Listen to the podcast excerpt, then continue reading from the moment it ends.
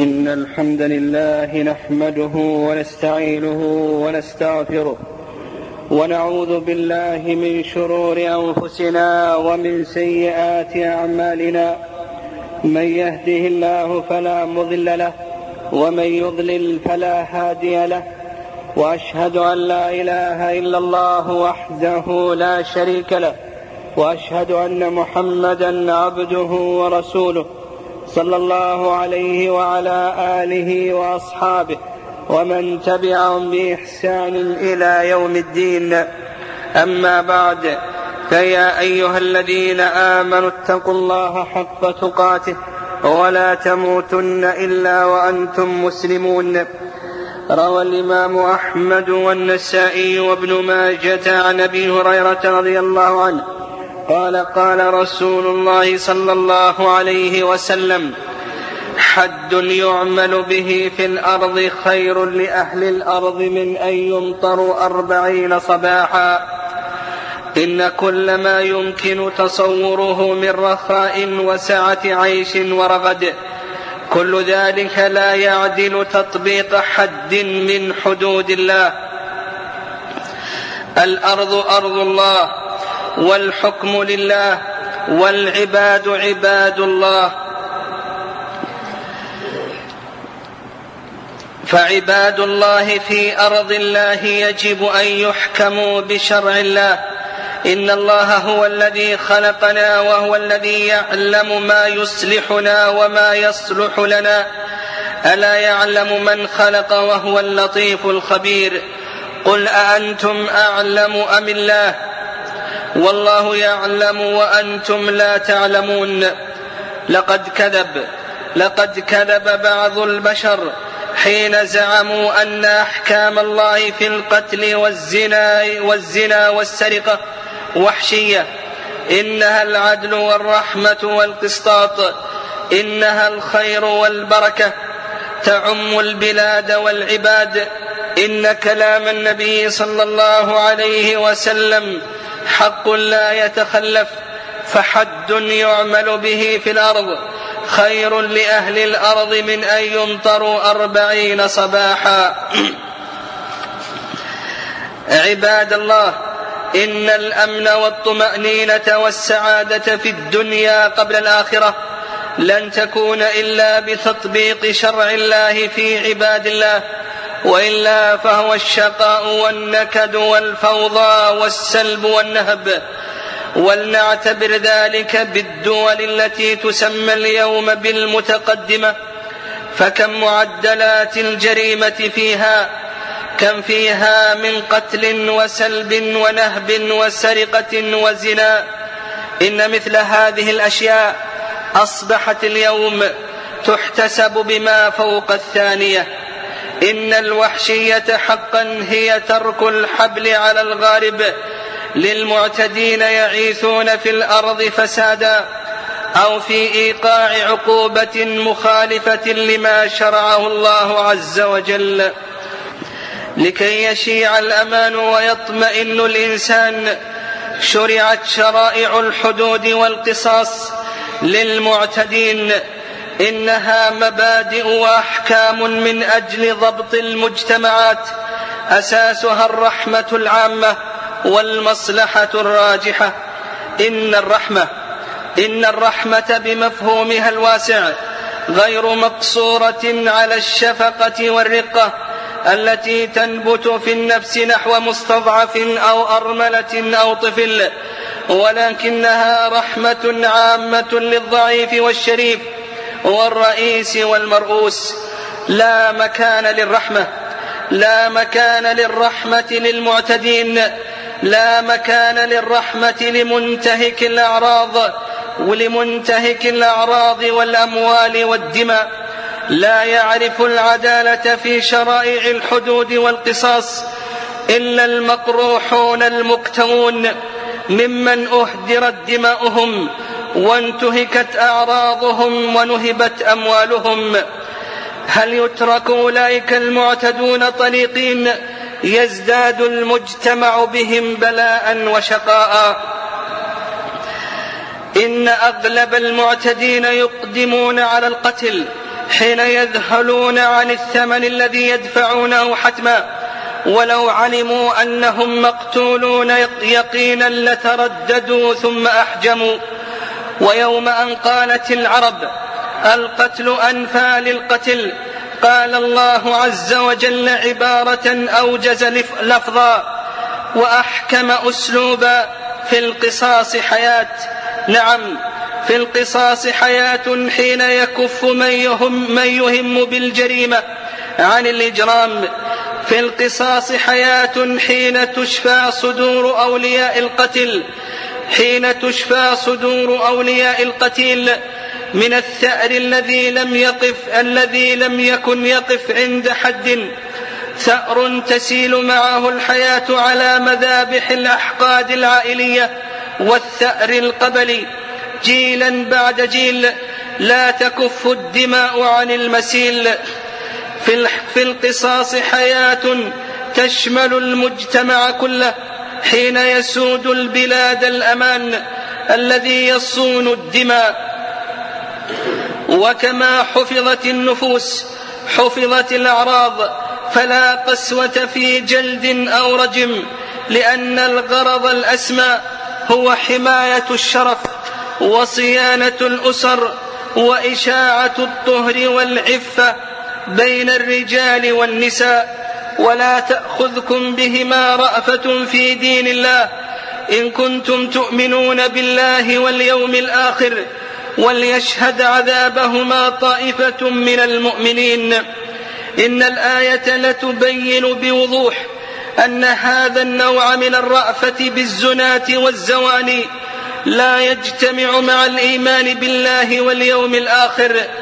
وعلى الرغم من أن وعلى الرغم من أن من أخص خصائص المؤمنين أنهم رحماء بينهم فالرفق بالمعتدين على الأعراض ومنتك ومرتكب الفواحش ليس من الرحمة في شيء. الزواج الصحيح هو وحده الملتقى المشروع للنفوس الكريمة والأسر الشريفة يلبي نداء الفطرة بطريقة سليمة صحيحة. إن الولي العاقل والأب الشريف والمربي الغيور لا يهنأ له بال ولا يقر ولا يقر له قرار ولا يشعر بالطمأنينة حتى يضع موليته بيد زوج كريم يصون عرضها ويحفظ كرامتها. لا سيما هذه الأيام التي كثرت فيها بواعث الشر ومهيجات الشهوة. ومن أجل هذا وتأكيدا لحفظ حرمات الناس من أن تستطيل عليها الألسنة الحداد فتقع في الإفك شرع حد القذف ليجلد المفترون. وتسقط كرامتهم وترد شهادتهم وتحفظ أعراض العفيفين والعفيفات. أما السراق واللصوص فشرع حد قطع اليد لحفظ هذا المال الشريف هذا العامل الكادح. قد قبض أجره ليضعه في أفواه نساء وصبية فإذا بيد آثمة تمتد إلى كسبه. وتستولي على رزقه. يأخذ اللص في لحظة ما جمع ما جمعه الشريف بأيام وليالي من عرق جبينه. إن اليد العاملة. إن اليد العاملة الكاسبة. حقها أن تصان وتحمى. حقها أن يضمن لها سعيها وتأمن في عيشها. إن اليد الفاسدة. إن اليد الفاسدة التي التي عزفت عن شريف العمل وامتدت إلى الناس بالأذى وعز علاجها لا بد من بترها ليرتاح من ليرتاح منها صاحبها ويريح المجتمع كله من مفاسده. إن السطو على الأموال جريمة تزداد وتستشري إن لم تقابل بالعلاج الحاسم تتحول إلى جرأة على الدم الحرام فما أيسر أن يقتل اللص من يعترض طريقه سواء كان هذا المعترض من رجال الأمن أو من رجال الأعمال والأموال بل بل حينما يستفحل أمرهم ويتصاعد خطرهم تعظم العقوبة الزاجرة في حقهم في شريعة الله عز وجل. إنهم أصبحوا محاربين لله ورسوله. إنما جزاء الذين يحاربون الله ورسوله ويسعون في الأرض فسادا أن يقتلوا أو يصلبوا أو تقطع أيديهم وأرجلهم من خلاف. ذلك لهم خزي في الدنيا ولهم في الآخرة عذاب عظيم. إن من قاتل من أجل المال إن من أخذ المال بالسلاح محارب لله ورسوله.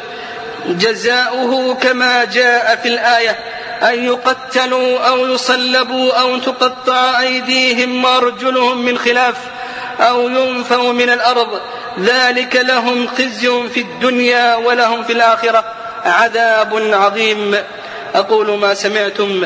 وأستغفر الله لي ولكم من كل ذنب فاستغفروه إنه هو الغفور الرحيم. الحمد لله رب العالمين الرحمن الرحيم مالك يوم الدين والعاقبة للمتقين ولا عدوان إلا على الظالمين. يا أيها الذين آمنوا اتقوا الله حق تقاته ولا تموتن إلا وأنتم إلا وأنتم مسلمون. لقد تعالقت لقد تعالت نداءات الجاهلين بإلغاء عقوبة القتل لمن يستحقها فهذا المعتدي عندهم منحرف المزاج مضطرب النفس ينبغي أن يعالج. إنه اعتذار عن المعتدين. إنه اعتذار مرفوض. ومع هذا فقد وجد فقد وجدت هذه النداءات استجابة عند البعض فألغيت عقوبة القتل من بعض الدول ففتحوا سجونا كثيرة سمن فيها المعتدون لكي يخرجوا إلى الناس أشد ضراوة وأكثر شقاوة. ماذا كسب؟ ماذا كسب الذين أهملوا حكم الله في الحدود والقصاص وأعملوا حكم الطاغوت لم يجنوا إلا انتشار الجريمة وسيادة الفوضى وذعر الألوف في مساكنهم ومسالكهم وفي الحديث وما ترك أئمتهم العمل بكتاب الله إلا جعل الله بأسهم بينهم إنه لتأخذك الدهشة حين ترى في واقع الذين ظلموا أنفسهم وابتعدوا عن شرع الله ما ينشرونه من أنواع الجرائم المستبشعة مع استهانتهم بالأنفس واسترخاصهم للدماء وانتهاكهم للأعراض وابتزازهم للأموال لقد وصل الحال بهم حين أمنوا العقوبة الرادعة. أن كونوا قوى كبيرة تضارع الدول والحكومات بل قد تفوق عليها في قوتها وأنواع أسلحتها. إنها عصابات تقطع الطرق وتخيف السبيل تنشر الرعب والفساد. وتغير على المصارف والخزائن وتستهين بالقوانين والأعراف. من, من قاومهم قتلوه ومن سكت عنهم استخفوا به وآنوه. شرهم يستشري وأمرهم يستفحل والناس منهم في هرج ومرج واضطراب وفساد.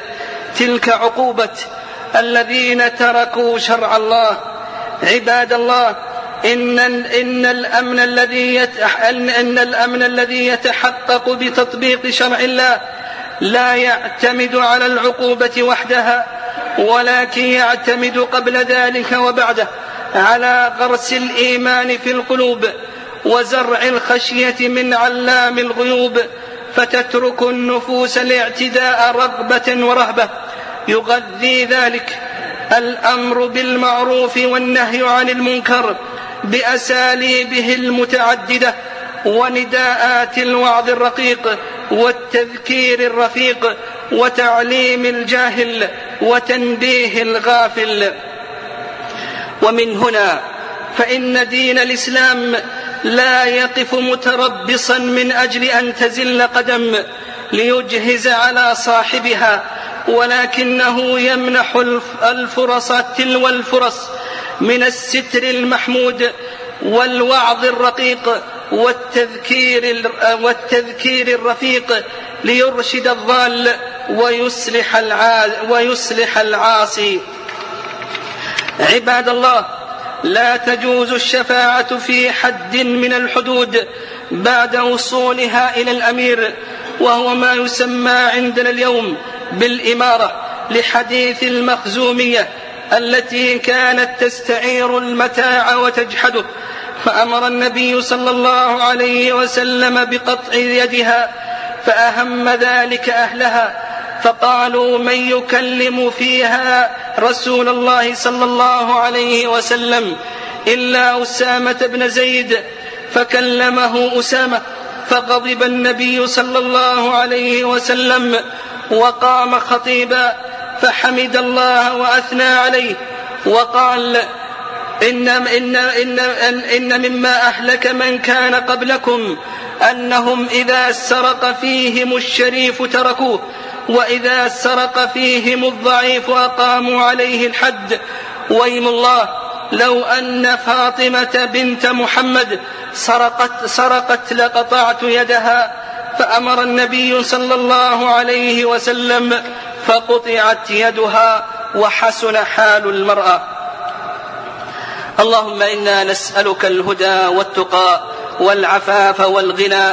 اللهم إنا نسألك فعل الخيرات وترك المنكرات وحب المساكين وأن تغفرنا وترحمنا.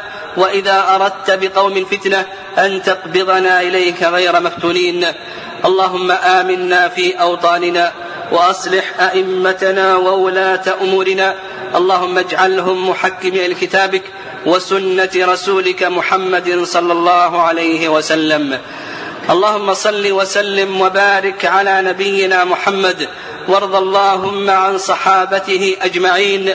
واخص منهم الأئمة المهديين والخلفاء الراشدين أبا بكر وعمر وعثمان وعلي وعن بقية العشرة المبشرين وعن بقية صحابة نبيك أجمعين.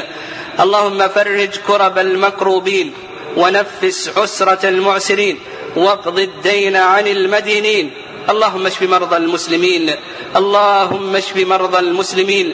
اللهم اجعل ما أصابهم كفارة لسيئاتهم ورفعة لدرجاتهم. اللهم فك أسر المأسورين. اللهم ردهم إلى بلادهم سالمين غانمين. اللهم اغفر لموتى المسلمين. اللهم اغفر لهم وارحمهم. وعافهم واعف عنهم. وأكرم نزلهم. ووسع مدخلهم. واغسلهم بالماء والثلج والبرد ونقهم من الذنوب والخطايا كما ينقى الثوب الأبيض من الدنس. ربنا آتنا في الدنيا حسنة وفي الآخرة حسنة وقنا عذاب النار.